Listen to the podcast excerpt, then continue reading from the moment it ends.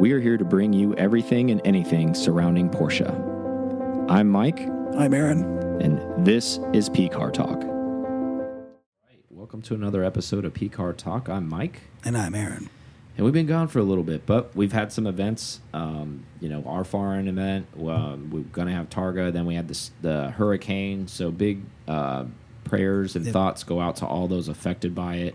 Um, we were fortunate, but our fortunateness it's a word it's not but it is somebody else's less fortune yeah. less you know. So we are thinking about those south of us and all of those that were affected by the hurricane um, our thoughts and prayers go out to you.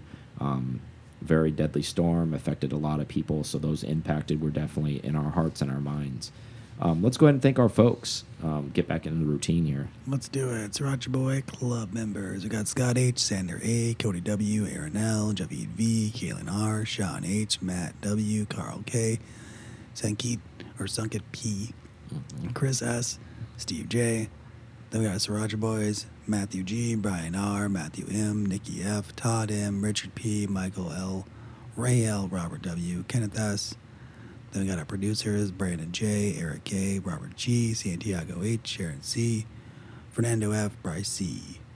Then we have people that renewed. So I called them out, but I'll call them out again. We got Nikki that renewed, Alba renewed, new person, Alon, and then we have Mitch that renewed. Nice. And check your emails. There's some of you I didn't hear on that renewal that I remember sending an email out to you. You are due for renewals. Thank you, everyone who did renew. Thank you for the new people. Thank you, Sriracha team, producers. Um, can't thank you guys enough. You guys are the ones that drive foreign, basically, and everything that happens with that. Um, without further ado, let's go ahead and get into foreign. Let's do the recap there. So, Yep. um, if you're not familiar with it, we've talked about it a lot, but uh, we're just going to do a little bit of recap here, and then obviously we'll get into the show. Um, so day one was travel up. Uh, we had a pretty good conglomerate Florida crew coming up, as we should. That's our home turf. Um, I thought it was kind of neat because some of the Orlando guys kind of met us midway in. Yep. So I thought that was neat. So we had probably about six or seven cars leaving from the Tampa St. Pete area, uh, uh, headed up interstate. Um, boring roads until we got up there, but on our way up, literally three or four GT3s jump in, and then um, Charles, I think is his name, does like a I Yeah. won't say the number on the flyby, but a very Ill, Ill, well, I don't want to say illegal, but very quick flyby in the 992 GT3 in Shark Blue. It was faster than the flow of traffic. Yeah, and we were cruising at high altitude already, so when that thing came by, it was pretty pretty nice. It was one of those uh, maverick moves of kind of like, "Hey boys, I'm here," and then he kind of fell in formation. So we were rolling pretty deep on the way up there. Um, unfortunately, a good buddy of ours had had a little bit of shock tower issue, kind of delayed our travel on the way up. We got about two and a half hours out when that happened. Um, thankfully, Just car lunch. Could yeah. have been worse. Could have been like no lunch. Absolutely. Like it could have been. it does happen when you have that many cars going and it wasn't for lack of him maintenance it was just a mechanical failure there was nothing to predict or look at prior to that um, just the shock tower failed on its own and luckily he was able to limp the car uh, back to a shop uh, big shout out to nash and auto house social um, he has been the unofficial uh, receiving house for any broken vehicles of foreign or any issues with any of the cars because it's in Atlanta, so it's about hour and some change outside of Helen.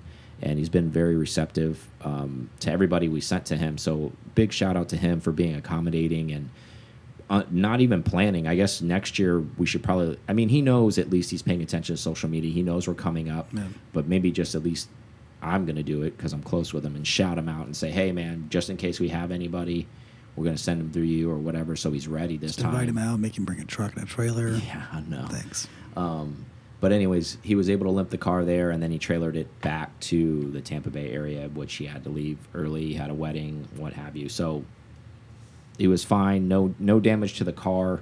Part needed to get fixed. Um, all I could think was, you know, somebody was looking out for us because had he made it through, and if we were, he was driving spiritedly, and that happened, like Yep. it, it might have been a catastrophe. So I'm glad that didn't happen. Uh, very thankful for that. Um, no incidents at all, knock on wood, at our event. Um, hopefully, moving forward, will continue to stay that way. Um, before I get too far into the next days, I want to shout out Suncoast Porsche Parts. Thank you for helping sponsoring the event. Rotor Supply, thank you for help sponsoring the event. Clearwater Porsche, thank Yep. you for help sponsoring the event. All of those entities help sponsor this event um, and make things possible for us. Looked like a Suncoast Porsche, like a parts distributor in the back of my GT3. Because I seen, I saw a couple of pictures. I was like, "Yep, full of bags, That's funny. all the bags." You know, so we got up there a little later than attended on the meet and greet, but checked everybody in, got everybody's waiver signed in. Um, everybody got a really good chance to hang out. A lot of new faces, a lot of reoccurring faces. So it was a good blend of old and new.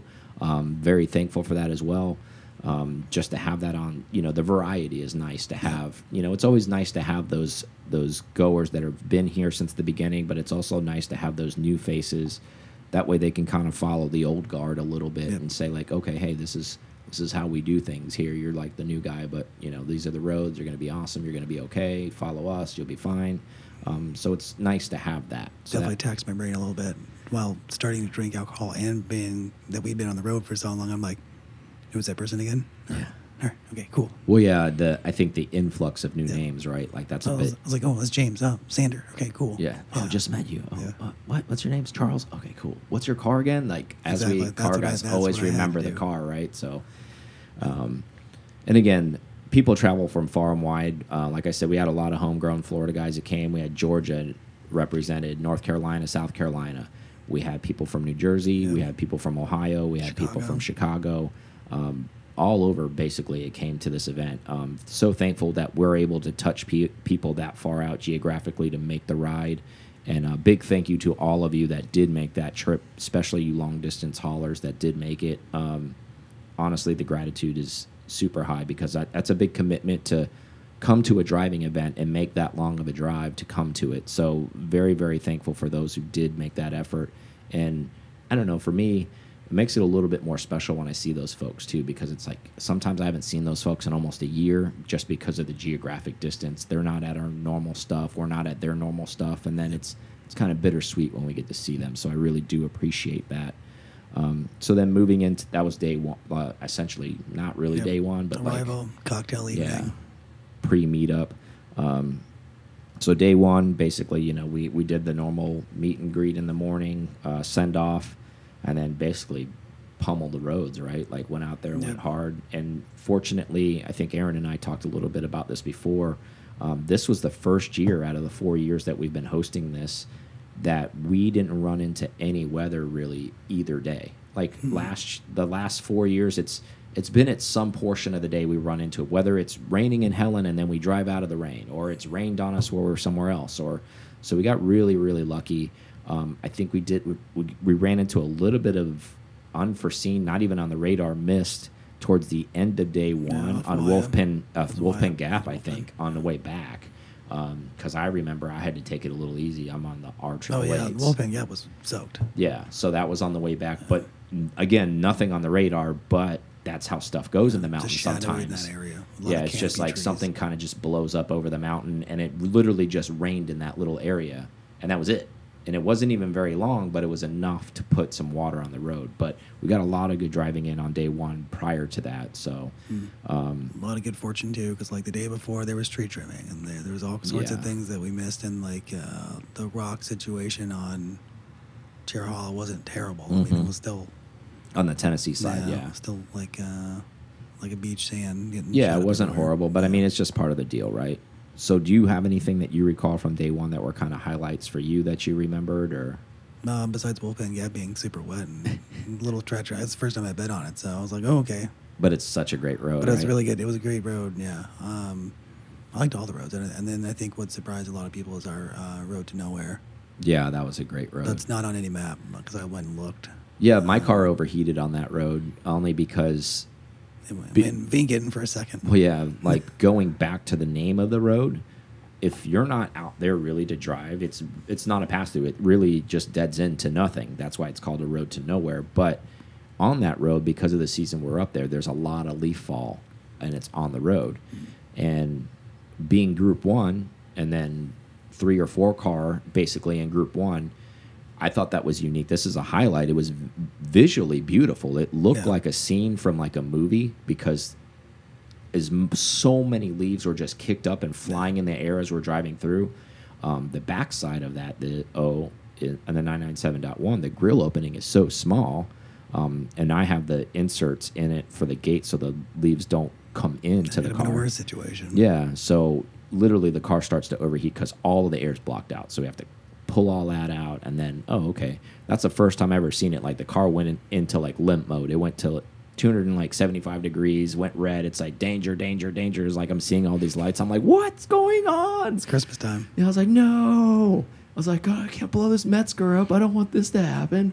Um, but then we finally get to the turnout where we were headed anyways, and I pull all that stuff off, and I do like basically a couple cool down laps, if you want to call it that, back and forth to move some air through it, and went down 100 degrees immediately. Um, so it was just an airflow thing, and unfortunately, I think in, or fortunately, there's two ways to look at this. On the way leaving there, we took a couple breaks as well um, because my car started to catch Yeah. leaves again. So it would catch it before, like I'd watch it start to go up. So I know that I had a ton of leaves in front of me.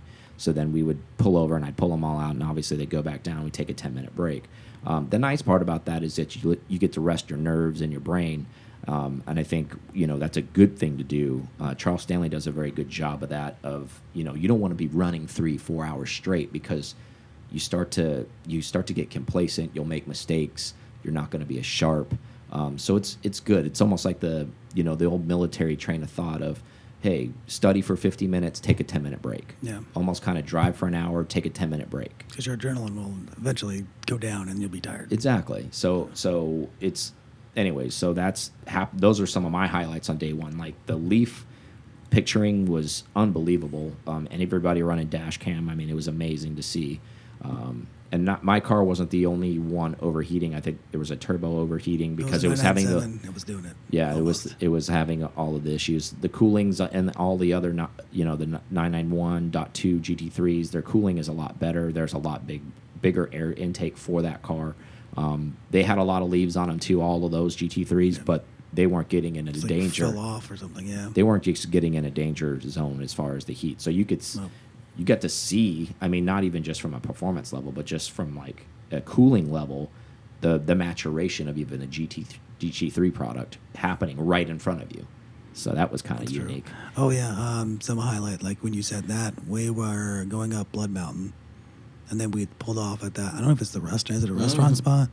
No, that's just at the top of Blood Mountain though. It's like it's it's where the uh, Appalachian Trail. It's an Appalachian Trail stop. Okay, up like I there. was trying to just get water. Yeah, because there's like a little there's a little place up there like water, Okay. restrooms, like people hiking the Appalachian Trail stop in there, use you know use the facilities, grab a grab a bite or something like Mm. that. That's what that is. Okay.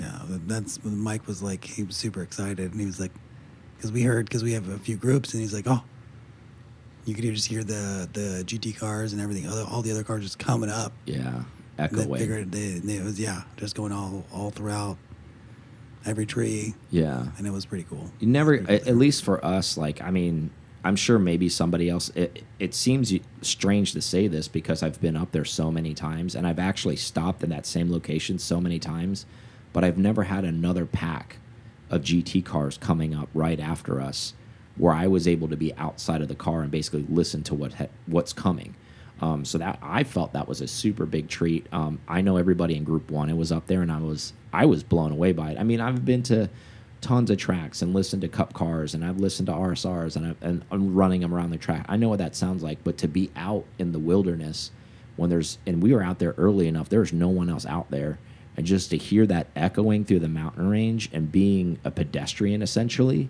to get to hear that outside of my car which which was a nice Yeah, treat. I thought cool. I, I was like, man, that's what they sound like when you're outside and they're all together. Like, I can't imagine what they sound like when we're on full tilt going through Cherohala. If you're sitting in one of those cutouts, what that must sound like. I mean, what a what a treat that is. I mean, I, you know, unf- unfortunately or fortunately, how you look at it, my car's so deafening. It's I don't hear anything outside of it anyway. So I mean, to be able to sit there and listen to another group come through was awesome.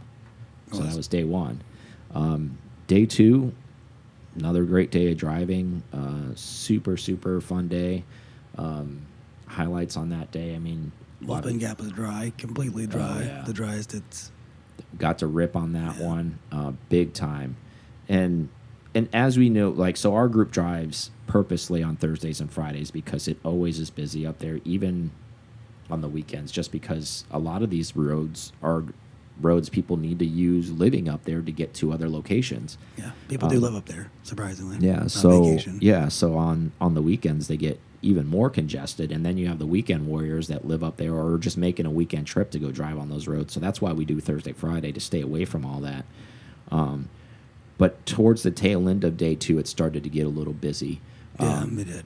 and and you could kind of feel it happening and, and we knew it was going to happen. It wasn't even it was predictable because we've done it so many times. We're like okay basically all the hard running is going to happen before lunch. And then basically lunch we had a mini briefing um, and just said hey you know it's the second half of the day. No reason to push any harder than you need to push at this point. Um, you know you, it's one of those situations where like you want to go home with what you brought and let's have fun let's obviously push but take it down a couple notches and rightfully so because we ran into a lot more traffic too on the road so Yeah, we had two different leaders in our group. So Yeah. that made the that was unique too. yeah they set two different paces and one leader didn't get to drive thursday so he was more amped up for friday That so was. but luckily you know everybody was able to keep cooler heads we were able to you know i think highlighted day two was obviously group photo um, unfortunately we didn't get what uh, kevin's group in there Yeah. they got hung up somewhere right There's or a couple, something a couple things. Yeah, like i think because we were it was getting dangerous though. Out, in, out when it started getting grouped up and we were started passing traffic, it was getting yeah dicey. yeah it was but, well it's that's what happens when it just gets more trafficy Yeah. like that out there and like i said i think his group just got hung up because we actually sat in that cutout so we have a scheduled group photo um, and unfortunately one of the groups didn't make it because we we couldn't they were out of radio contact they were Yeah, driving There were, there's no way those those radios are line of sight. We'd have to be in. No, I get that, but at the same time, it was one of those situations where we were already probably there an hour. Yeah, Um, So, and we were our next stop was the lunch stop, so it were we were getting put behind. So, waiting on them any longer would have put us even further behind. So we had to make a judgment call. So and and and just like clockwork, as we start to pull out of the cutout, I think Group One pulls out, and I'm looking in the rear view and I'm seeing a bunch of GT cars come down the mountain, and it was them. It was Kevin's group coming up, but we had already taken the photo. Everybody already loaded up. It was just kind of like, well, we're sending it. So sorry about that. we had a weird like group of Harley bikes decide to park in front of us and then go through the entire Yeah. crowd of us. Like we're we're a Bunch of jackasses. To give you an idea, we're coming. So we're going up. So we're, every the pull off was on the left. We're all facing, like we're going to pull out and continue on, um, going where we where we came in from. And then there was probably, tw- I mean, good 20, 30 bikes. I'll pull in. I was like, hmm, that's interesting. Like, how are they going to get out? Because they they ride it back, you know, walk it back, and like, sure enough, like, hey, can you guys uh, move a couple of your cars? And then like, so they had to straddle it through and barely make it. Some Those guys are the worst too on the mountain. I don't know if you guys have ever been by them, and I can say this because I've been by behind a bunch of them on a bunch of different event I mean, driving fast, events. I'm sure at their pace, but well, of not, course, well, it's open air. car. They're running a bagger. Like that car, that thing's not made to do that. That actually thing is made to ride on the interstate and go to Sturgis, not ride back roads like that. Yeah. Like that thing isn't made to do that. Um, I mean, our cars have. uh, We've seen it. We've we've run down um, Gixxer one thousands even back there. Like it's those the pace is fast. Those guys are out there cruising. You know, listening to the CCR. Man, got the head headband going on. Got a road soda, Bud Heavy riding right next to him too. Like just like me, man. yeah. Hey man, America, we got the we got the you know wind flapping in the mullet. I'm doing my thing, brother. I will say I did. I did enjoy the Harley Davidson thing that's across from lunch because then we were able to park. Otherwise, Yeah. that would have been parking would have been a little difficult. So that was highlighted day two. Day two was super fun. Um, you know, everybody, and then both nights, everybody kind of had, well, not both nights, pre dinner night and then day one, but day two was the final dinner night. Yeah. And then the award ceremony and the stuff that we gave away. So, you know, we gave away funny awards like a dirty, the dirtiest pig award, um, fastest car award went to an air cooled car. It was there just because Andy's such a legend. Well, he was the one who won. He was the only air cooled. Right? Yeah. So he's the fastest air cooled we had. Well, it was more of kind of a play on like we don't want to reward somebody for having the most actual fastest car because that's just encouraging That's- bad behavior. That's dangerous. So it was more of kind of wanted to give it to actually the not fastest car there. So we just named it the fastest car award. But it had a little bit more meaning, at least for me, to give him that award because I've rallied with Andy on a bunch of different other events. I rallied with him in Roanoke. I've uh, rallied with him at Targa, and now I rally with him at our event. And you know what the difference with him and the rest of us are in a cool way? You know, I'm like, oh, well, I want to take the GT3 for our event because it's the pace I want to run. Hmm. He runs that car at all of those events. He runs that air cooled at all of those events. So like that's that's legendary, dude. Where he's just kind of like, you know what? That's cool. I'll run with you guys. You guys can outrun me. I'm just going to do my thing. I don't care. And there's something to be said about that, I guess, like the confidence with that. So big shout out to him on that. And then, you know, uh, for all of the drivers that we ended up giving away, um, I say driver, excuse me, leaders, we all gave them a bottle of Whistle Pig. Um, it's almost our way to say thank you. If you've never led before in any kind of rally or an event or driving event, it's it's challenging. Even if you know the roads, it's still challenging because a lot of this stuff is blind corners, blind turns. I've led before in Roanoke, and it's nerve wracking. And to do it multiple days at the pace we were at, um, at a minimum, and this isn't the first year we've done it. We always give them a reward uh, for for thanking them for you know, taking, you know, some of them like it, some of them, you know, maybe don't like it as much, but they keep it, you know, to themselves. But I know it is a tough job. It We is a- finished a lot of them. A lot of them that don't drink. I mean, they still drink stuff. Or I think a drink, couple of them finished were they were very happy to have that whistle pig and that thing was going home with them. But uh, you know, on the after hours outside of you know when that when the groups just get together and we're down there by the river and Helen, I think we put away I don't even know how many bottles of whiskey, probably at least a barrel's worth. Maybe. I mean, it was a lot. Well, I'm just talking about not one night. I'm talking about cons- you know collectively over the days. I know I know a, a guy specifically from Chicago that probably drank a lot. Um, 100%. actually, no, he drank a lot, and the Ohio boys drank a lot too. I think they came with like maybe ten bottles and they left with zero. So, what's that say? um, not s- encouraging that like this is some like binge drinking event. I'm just saying there's happens to be a lot of people there, so a lot of uh, Yeah, there was a lot of fine fine whiskeys get get consumed, and uh, it's nice to share because everybody kind of brings their own like flavor and eclectic stuff that they like, and there's a lot of sampling going on there, so that's kind of fun. Um, so we so we're responsible about it. Everybody gets a good night's rest, and everything moves on. So while we were up there though, and this happened, so the last day of our event is a family day. So we're all dressed up in uh, German apparel, Yep, our dirndls lederhosen, and yeah. So we're out there, and we had a table reserved, and had fun doing that stuff. Unfortunately, like another group up out there, up there, it's kind of similar things that we ended up doing. Smokey's GT group, I think L, Adam LZ um, some woman crashed into his GT3 on the Dragon. Yeah, Um, that was, some uh, some was a lady in a truck thing. crashed into him, cut in front of him, and thankfully he's okay. Car's not okay. His girlfriend Collete's okay as well. They're both in the car.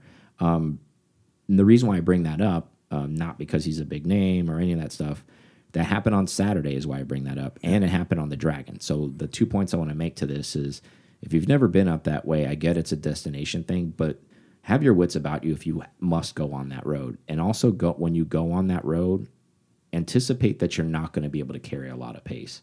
Um, because of traffic and because of people, because it is it's a tourist destination, unfortunately, and especially that's on the weekends. It's yeah. just, just something. it's a recipe for disaster.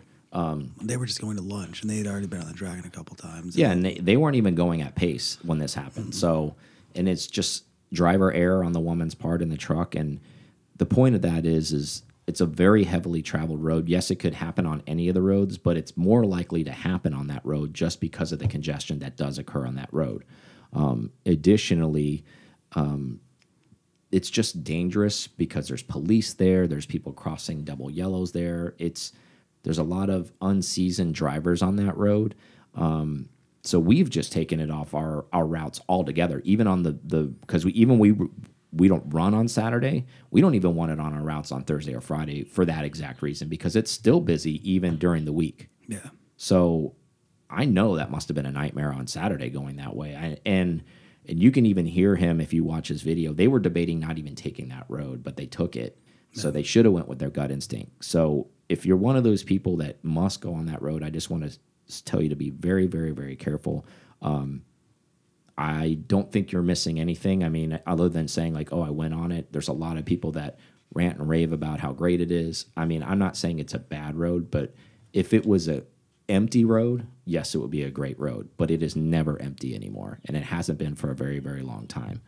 Um, there are a lot of other better roads to run that no one knows about because most people don't do the research to run any of those other roads. It's not like they're that secret. No. You just have to do the research. And most people just hear Dragon, they type it in their GPS, and then they go there. And then they just kind of wiggle around while they're out there and maybe hit some of the highlights, but they don't get to see all of those other ones. They don't get to see all the ones that we, you know, we plucked uh, and and to go run where there's hardly anyone else on. Um, so these roads, what I'm getting at, that we pick for our thing are very, very calculated. It's not some BS thing that we just configurator that we came up with. We we thought about these things for those exact reasons, and you know, caution to those on the, going on the Dragon. But overall, it was a great event. Um, any more highlights that you want to hit before we move on to the next topic? No, I think I'm good. I okay. think I mean Oktoberfest was a success. Yeah, sushi you, place in, sushi place in Helen is delicious. Aaron was like consciously blacked out, probably around like I remember most probably around day. three p.m. Like I know that I went for to the rest of the day. I know I had sushi because you you had to get there. You weren't drinking yet, so nope. we didn't really meet till twelve thirty ish. So you were fine, and then you could just see that glaze come over your eyes, yep. and and then when you were dancing and stuff, I was like, okay, yeah, this guy this guy got in the DeLorean, man. He's uh he doesn't know where he's at right now. He's in the time zone. So the mistake was Tito's and Red Bull, which I don't normally do yeah. a lot of, and there was at least two. RBV, RBV, RBV.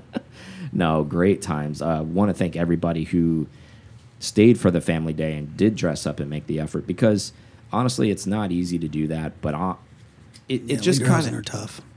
What all I mean, like stay for the additional day. What what I mean by that is if you went home, that's fine. I know there's priorities for people and there's other things, but you're really selling yourself short.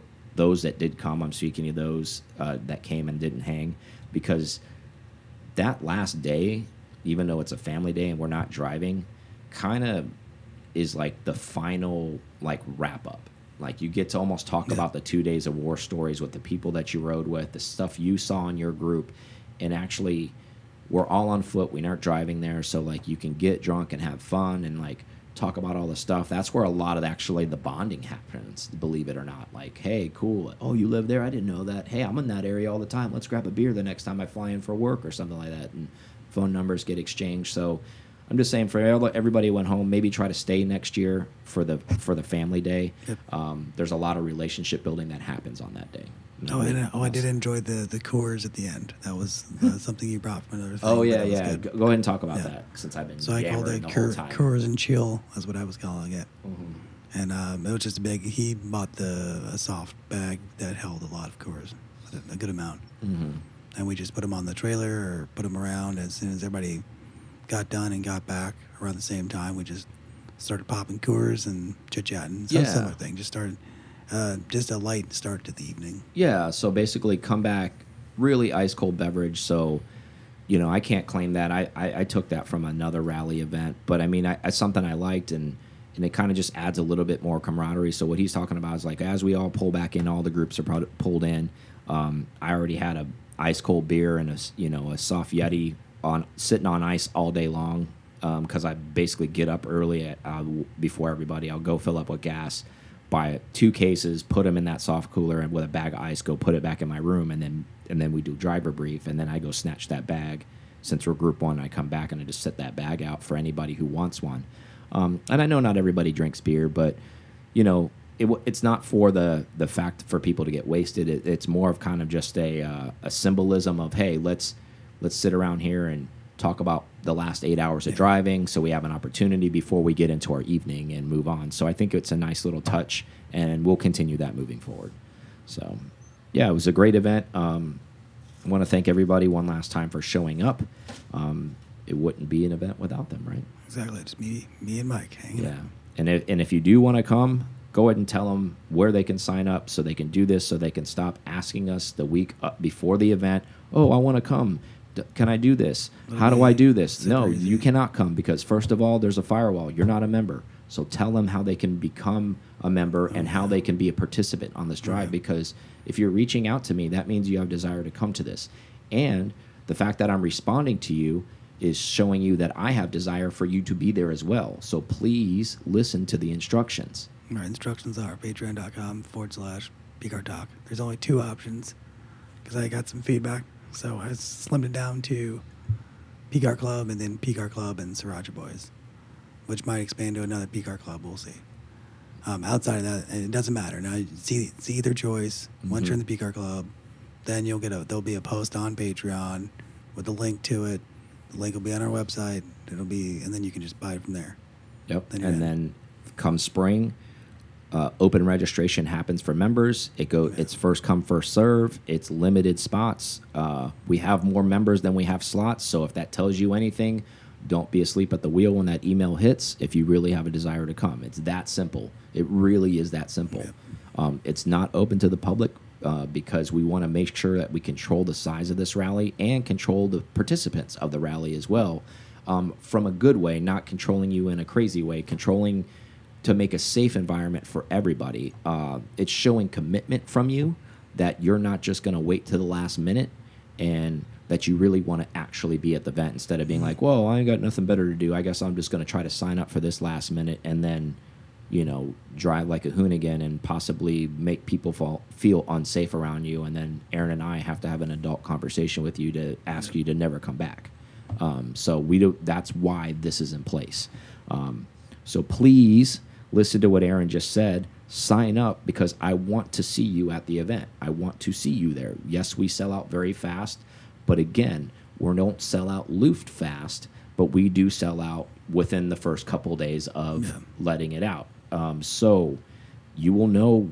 Trust me, we're very vocal about when the release date comes. We're very vocal It'll on April. Is what I'm, yeah, but I'm talking about April, it's but not yeah. like it's going to sneak up on you. No. Like we talk about on the podcast, we'll talk about on social media. There's unless you literally live under a rock, there is no way you're going to miss the the opportunity to come to this event. The way you are going to miss it is if you sit there and you wait and you forget about it and then you don't sign up and then you try to do your membership at the last minute and then try to sign up for the event as well because we've had people try to do that and then they miss out because it sells out before anything hits because Aaron has to see that you've signed up. Yep. Then he's got to get you an email, which by that time, if the email's already out to the registration group, you're already behind, bro. You're already behind. So, anyways, so no Targa this year for me uh, due to the storm, hurricane. We were supposed to take a direct hit on the chin. I did not make it to Targa. I heard it was a great event. Uh, not surprised one bit. Charles Stanley always puts on an outstanding event. Um, very proud of what he's built up there and the camaraderie he's built for that air cooled event up there. And that is an invite only. I have had many people ask me, how do I get into that event? You need to approach Charles Stanley with that. I cannot speak to that. He has his own vetting process. He does not carry a membership around it. However, I will say I know a couple ways to get in, and they are much more expensive than having a membership. One one way to get in, buy a car from him. So that's about a hundred thousand dollar purchase, or buy one of his watches from him. That's like a couple thousand dollars those are those are automatic ends usually. Like he will get get you an invite for one of those. Um, my barring that, good luck. Talk to him about it, or buy a car and a watch, and it's probably better. Uh, and you can definitely move, definitely going right? to get in, right? But that I know for a fact, if you do one of those things, you're going to get an automatic invite in. So It's a good move. I like that. Strong. yeah. So people want to, you know, scoff at us for venting people to, to make a member to sign up for membership. I mean, Charles has got, hey, you want to come to my air cooled event, you got to buy one of my cars, buddy. Uh, I kind of like that move, but nevertheless, I'm sure it was a great event. No loop for us ag- again. Yeah. Um, it's too close to everything else that we went to and didn't go to. Yeah, I think you know between Targa with the storm, um, it, in a perfect world, I already I signed up for Targa. Um, I didn't go. Again, going back to that, obviously I couldn't make it due to the storm. It was a responsible decision to stay at home because we were supposed to take a direct hit. Um, just didn't make sense for me to leave the area. We'll go. We'll go next year when it's in uh, Rennsport. Yeah. Um, no Luft as well because that was going to that was right after Targa, which was this past weekend that went. So essentially, if I had gone to Targa, obviously I was at our event, and then if I went to Luft, I would have been out of town for literally three weeks. That was not not feasible as well.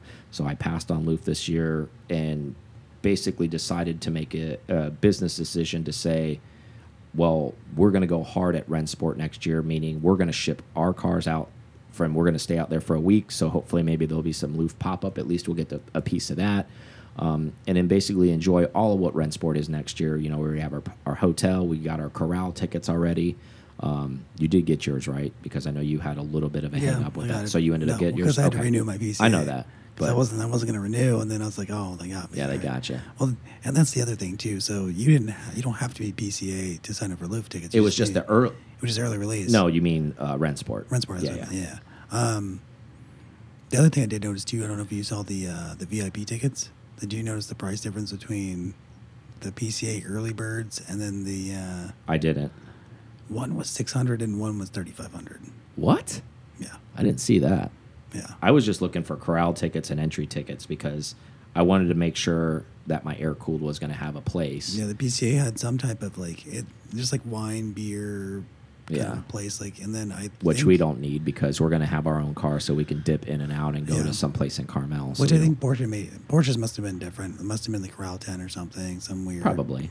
Yeah. Either way, so that that that's so I'm talking to you guys out loud. That's what Aaron and I did. We got together and made a business decision to say, okay, we're going to take us PCAR Talk out there next year for basically the seven days of of Rennsport. Um, it's not that long, but we're probably will be out there that long, um, and that'll be our California fix, I guess, Yeah. for next year. We decided to save it because I'd rather be there out with a car anyways. It always sucks when, especially when you go to these events and the static event, and you're you flew in from somewhere because we've done it a million times, and you're like, man, I wish I just had my car because we could have drove to Newcombs, we could have did this. It's just all these things you want to do when you're there, and you're just kind of like, man.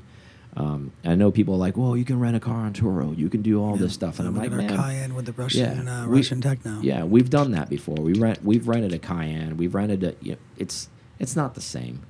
Um, so we're shipping our cars next year to to Rennsport. But we are going somewhere soon though. We are. So where are we going next? HSR. Yep. Classic. Made a split says last minute decision. We were always go to this thing anyways. It was just Yeah. How many days we wanted to go for and all that type of thing. Yeah, and it's in our home turf. Like, how can we not go? It's gonna be big this year. Corey was talking about it. It's gonna be like 400 cars. Yeah, that's large. Yeah. And speaking of that event, if you've never been, we've we always are an advocate for them. We're never sponsored by them. It's not about that. It's basically getting you the information. They do like us. Uh, they do like us. It's the Classic 24 um, at in November. Yep. Uh, what is it? The fourth through the sixth or something like Uh, that. I, think it's like third through the sixth. It's on our Patreon. I Okay. I threw a post up there. You can get a link to tickets and dates and stuff. So, if you don't have anything going on, and if you do have something going on, it sucks, and you'd rather do this instead, I'd highly recommend it um, for multiple reasons. Um, it's probably second to none in the U.S. at least for vintage cars um, from all over that you'll see. Um, any make and model, like we're not even talking sport Porsche specific. Um, you'll see Lotus, you'll see GT40s, you'll see everything there. 935s, you'll see 962s, you'll see everything there. Pablo Escobar's Trans Am. Yeah, like you'll see everything there, and not only is it there where you know, and again, this isn't a knock on a static event because those have their own thing, but they park long enough because they're in the paddock, it's so it's stat, so it is Yeah, static. But then you get to see them running on the track. You get to see them, the sounds of them, and and it's not display laps and parade laps. They're they're trying to win their classes. These guys are really season. yeah. These guys are really pushing these cars. Um, so and it and I think I'll close with this on that. The accessibility at that 100%. event, I have been to a million One million and one. events, and Aaron has too. Can you think of another event that you have the kind of accessibility? I'm not talking about even a special ticket, like you know where you go. Oh, I got a crew v VIP pass, and I'm sitting down there, and you can get a normal entry ticket and do these things. Yep. Grab a wrench, help Corey out. Yeah, you literally can. I mean, I wouldn't recommend it, but if you wanted to touch the tires, you could burn your hand doing it, it Yeah. because you're allowed to touch the cars. And you know, obviously, responsibly, you're not going to go out there be like pulling things off of them, or you're probably gonna Yeah.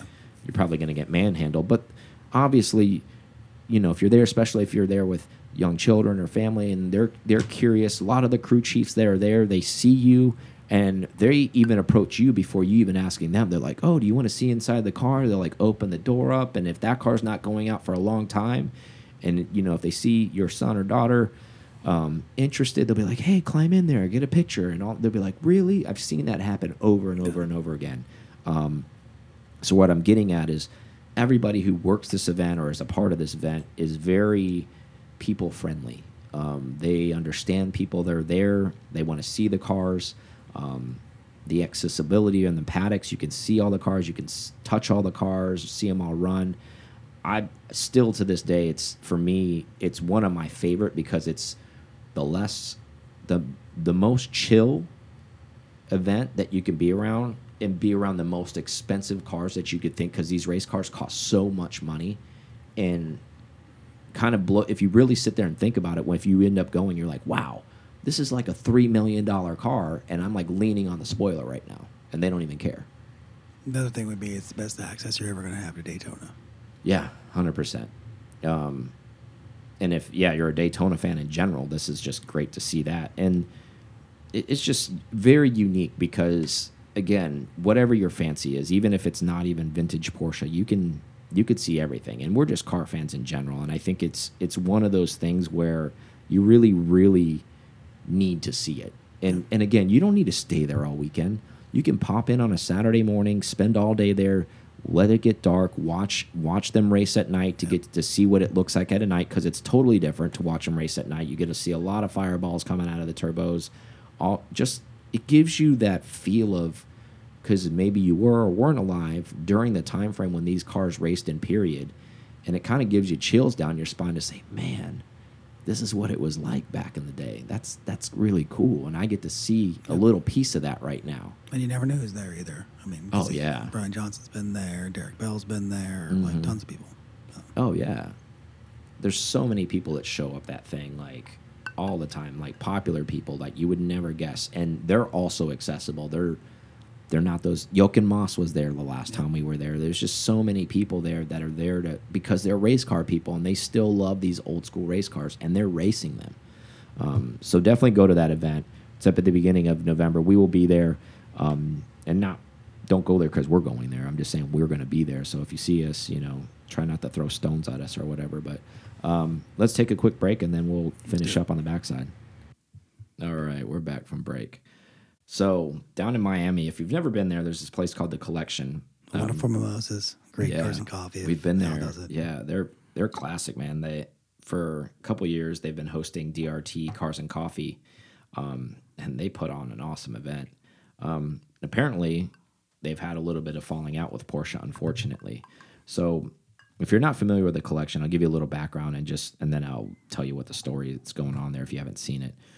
They're one of those conglomerate places. I mean, they're big as a city block, but they sell everything from they sell Maserati, Mercedes, McLaren, Porsche, um, all under one roof. Lambos, all that kind of stuff. They're one of those design houses. It's uh, basically like the collection. Yeah. Yeah. Um, so obviously, it's in the name. So they were approached a couple years ago by Porsche, and if you're not familiar with this, they've been doing this to all of their dealerships, um, especially the ones that don't have a standalone yep, for Porsche. Have to be a standalone mark. Yeah, so they're forcing all of these sites to build a standalone facility. So the collection tried to work with them on this because obviously they want to sell a Porsche product, but some of the locations Porsche obviously suggested for them to build a location the collection didn't want to do because they it just didn't marry up for location wise they didn't feel like the dealerships were going to do well. They know the area better than porsche.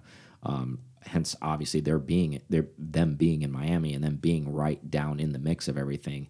Um, so they declined to build in those locations. Mm -hmm. so i guess from that fallout um, as the years have progressed since that that decline of building that solo building uh, Porsche has just been withholding cars from them, uh, meaning giving them less cars to basically sell, and not not just GT3 allocations, which those are hard to come by, but just allocations in general of mm. all of the lineup.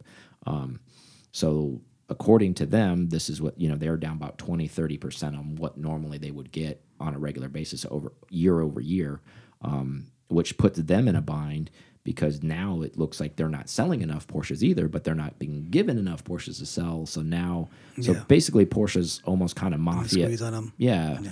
putting a mafia edge out on them to say, hey, well, you're pretty much didn't do what we asked you to do, so we're pretty much done with you. And so now they're they're filing for lawsuit because in Florida, um, the dealerships there's a huge contractual law in, in dealerships where they have a lot of rights in the state of Florida. Um, I can't speak for any other state, but at least in the state of Florida, there's a lot of rights for dealerships to be able to sell these cars for these people from the high level, meaning like the big places like Ford, all any of those places. If you want to do business in Florida, it has to be through a dealership. Um, and they're using that contractual law for their lawsuit, basically to say, hey, you're not supplying us with the contractual law of the business that we had with you. Um, basically, you're changing the game.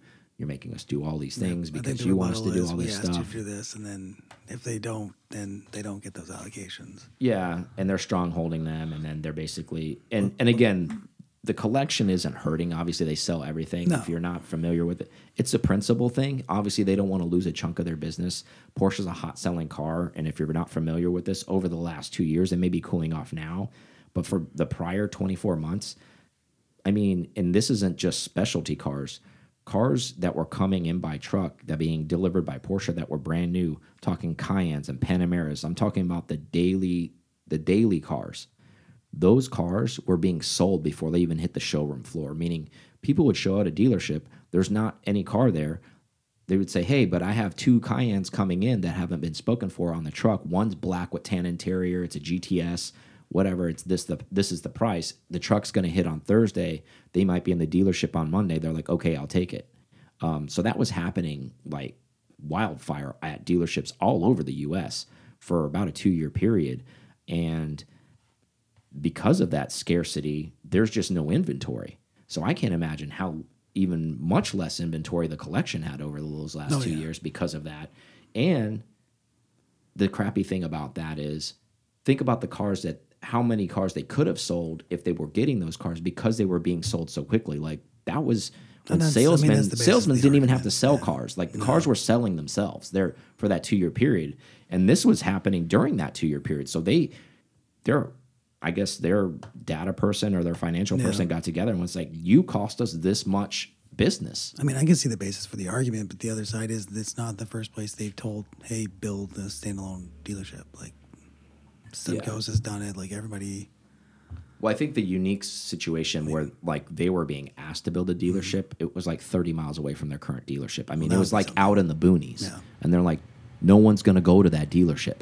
yeah, That was their argument. They're like, we don't like those geographic locations for those dealerships. And as you know, Miami's very densely populated. There was no other places close to the collection to build um, an affordable or even non-affordable facility. This the land wasn't there.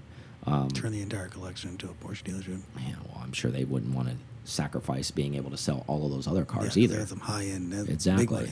So, anyways, thoughts on this? Justifiable?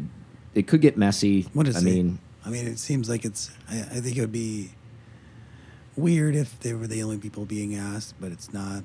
So, and I know it sucks for them that they can't find land near them, but yeah. And also, I think, mean- which is which this affects anything. Not, I think anything that's broken ground is fine, but anything that's after this lawsuit, in part of this lawsuit, some of that documentation is they've told Porsche, and I don't know how viable they need to hold to this, but almost kind of it's like a demand letter, like a demand needs to be met, meaning like it doesn't have to they have to answer the demand with what they're asking, but they have to answer to the man, meaning like it was some type of correspondence. So part of that demand was Yeah. part of that demand was no new facility in the entire state of Florida gets to be built until this lawsuit is f finalized. Um, obviously, I'm sure they'll probably their law team will f come back with that is a unreasonable request, and that is not going to happen because that you know has no bearing on whatever's going on. But yada yada, um, you get the point. Um, I hope it doesn't get messy. Obviously, I like Porsche, and I, and I also like the collection. So uh, I'm kind of trying to stay NATO on this thing. It's not uh, it's not we my wish you well. yeah, it's not my business. Is the way I look at it. I mean, Might it not be there sucks. very much longer either. Yeah, it sucks. on how it turns Yeah, out. it sucks. Um, because it seemed like up until that point, they had a very good relationship with them. So it's kind of odd where things fall off, but things happen. Next topic. So Porsche is going to make an EV, large EV, three row. Okay. So thinking seven seater, um, bigger than a Cayenne. Shocker. I know, right? Seven series. Codename SUV. K1. Delivery expected in 2026. Some early renderings are out there. They don't look bad, but obviously they're just renderings. Porsche's playing this pretty close to the chest. Um, rightfully so on this because they're entering into the large SUV market, something they haven't built yet to date. So they're probably trying to be very careful with talking about any kind of design cues, talking about any way this thing's going to look. Um, but obviously, it's going to have to seat seven people. So that's telling you size already. I mean, obviously, it's got to be bigger than a Cayenne um, to fit that additional row in there. So it's probably going to be a little bit longer, a little bit taller. Um, thoughts on this? Uh, Panamera Executive Edition. I mean, is that so? It's, do you think it's still going to be a Cayenne, or are they saying it's not going to be a Cayenne? They're not calling it a Cayenne. I mean, it's got its own code name, so I don't think so. So it make more sense. They're saying it's larger than a Cayenne, so I, I wouldn't expect them to say like Cayenne XL. Okay. I, I think they're going to give it a whole new name. Well, now you're having a Q7, which is bigger than Cayenne, I think. Uh, I think it. I think that seats seven. Yeah, I think it? so. Okay, I don't know. I mean, there's probably a platform for it. Um, I guess more of a driver's car then. It's even more of the. well, the and- thing I think the biggest Yeah. thing is because it's going to be EV. It's going to be what's the design architecture going to look like? Oh, it is what front, it's going to be be the big thing. like um, uh, rear seat and center section seat facing each other. That sort Could of be thing. something or like weird. yeah, Swivel chairs now, like a van, almost a van concept. they talked about that, but I think that's a whole nother thing than this. That Yeah. van thing. Um, I think this is actually supposed to be a four door style SUV. Almost thinking I guess best way to say it's like expedition. Yeah, I was gonna say, maybe uh, it's Escalade, Escalade, uh, ESV or Yeah. whatever it is. You know, the extended one, the Denali XL. Like I think it's gonna be one of those in that I really market. think they're going to crush that market, though. I feel like Well, that's GM what I- and that's what I Ford want your opinion like, on. What do you think about no, that? I think they think there's going to be a.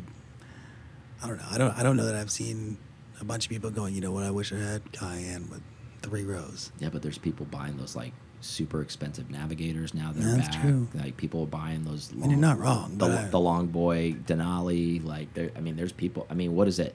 Jeep Cherokee just came back with its Grand Oh, yeah, Wagoneer Grand thing. Wagoneer that thing, thing yeah. se- seats seven. Um, obviously, they've done their research. There's, there's. I mean, I'm sure they're not going to. It's definitely a missing link in their lineup. I don't think they're gonna. The goal is to sell hundred thousand units. Like they, they don't sell that on hardly anything. That's not their goal on this. Obviously, they must think they have a customer base for this. Um, and I think this goes back to again executive driving, meaning being Yeah. driven. I think this is where this car is going to probably, and I, it'll probably be available worldwide. Yeah. But I think that again, going back to the Chinese market, I think that this car, or SUV or whatever, or S, SUV EV or whatever like you're going to call this thing, Bottega size, Yeah. like giant, like big boy. to be driven in Yeah. this thing. I think that's what this is. Um, and I bet where I was going to go with is obviously no talk about price, but this is not going to be cheap. It's going to be No. bigger than a Cayenne. So just on mass alone, it's going to be expensive. And then you think, grand. well, think about the inside. We all know when you start to spec a small cabin, a two seater GT3, what that's going to be when you start doing deviated stitch. You start doing this. Now you've got seven seats to deviate. You have all of this space. You have all of this leather that needs to go into this thing, and all of these options. And maybe you can do skylighting Yeah, and like three the. Rolls Royce style. And you can do all of this stuff. I mean, this is a this is a three hundred thousand dollar vehicle, Oh, probably, right? Three to five, three row seats, Yeah. exclusive manufacturer only. I mean, this is this has got L.A. written all over it, right? Like high end yeah. actors and billionaires and all those people. Comes in black, and that's it. yeah, executive executive driven vehicles. Yeah. Oh, that's the that's the Porsche Longboy or whatever it is. You know, it's um, Let's go name. clearly they hit on everything that, let's put it this way everything porsche has touched is gold and i almost think by proximity even this thing even if there's us low liars like Yeah. us scoff at this thing or think it's ridiculous there's definitely going to be a market of people that are going to lust after this um, there's going to be a, a, a group of people that have a G5 airplane or a G6 and want to be driven to the airport and they haven't driven a car in I don't know how many decades and they want oh that's that's the new thing I want that thing like that looks cool I want to be driven in that thing I want to show up in that thing you know they the, maybe they'll have the matching uh, plane and car program. yeah, right. So just wanted to put that info out there. I, who knows what that thing's going to really look like? Who knows the market's going to look like? Um, you know, the stuff that we go to, racing and vintage stuff and driving and all that stuff. I'm sure the only place you and I will ever see this is maybe if we go to LA or we see it on Instagram. That we're probably not going to see many in person unless we're in those cities. No, but we would see it at like Rennsport when they're toting everybody around, like Exactly, or the or the race team, right? Like, oh, the LMDH guys are showing up to the It track. How are they? they're- for the They're picking them all up, right? yeah. Instead of them all driving separately and all these other cars. And okay, hey, we basically have the executive team wagon now. Um, and I'm sure it's going to look awesome because it's Porsche and and you know they're people may want it and then they'll look at the price tag and they'll be like okay i'm not interested anymore. And they just keep moving after that. They're like $300000 huh? Uh, no thank you. Um, but for people that have large families or you know i mean this could work too. You think about like those high end high end like resorts in like aspen and all those other places that have like car service and all that. These places those resorts could buy a couple of these too and they cart their personnel around Like in them that. when they go pick people up at the airport and they do these things like Next this year is it's and it's a car service prototypes. let's do it but um just want to drop those little bits of knowledge i don't have anything else do you have anything for They're 'em? not. all right thank you guys talk to you later Yep, yep. Thank you so much for listening to this episode of PCAR Talk. Connect with us on Instagram at PCAR Talk or online at PCARTalk.com.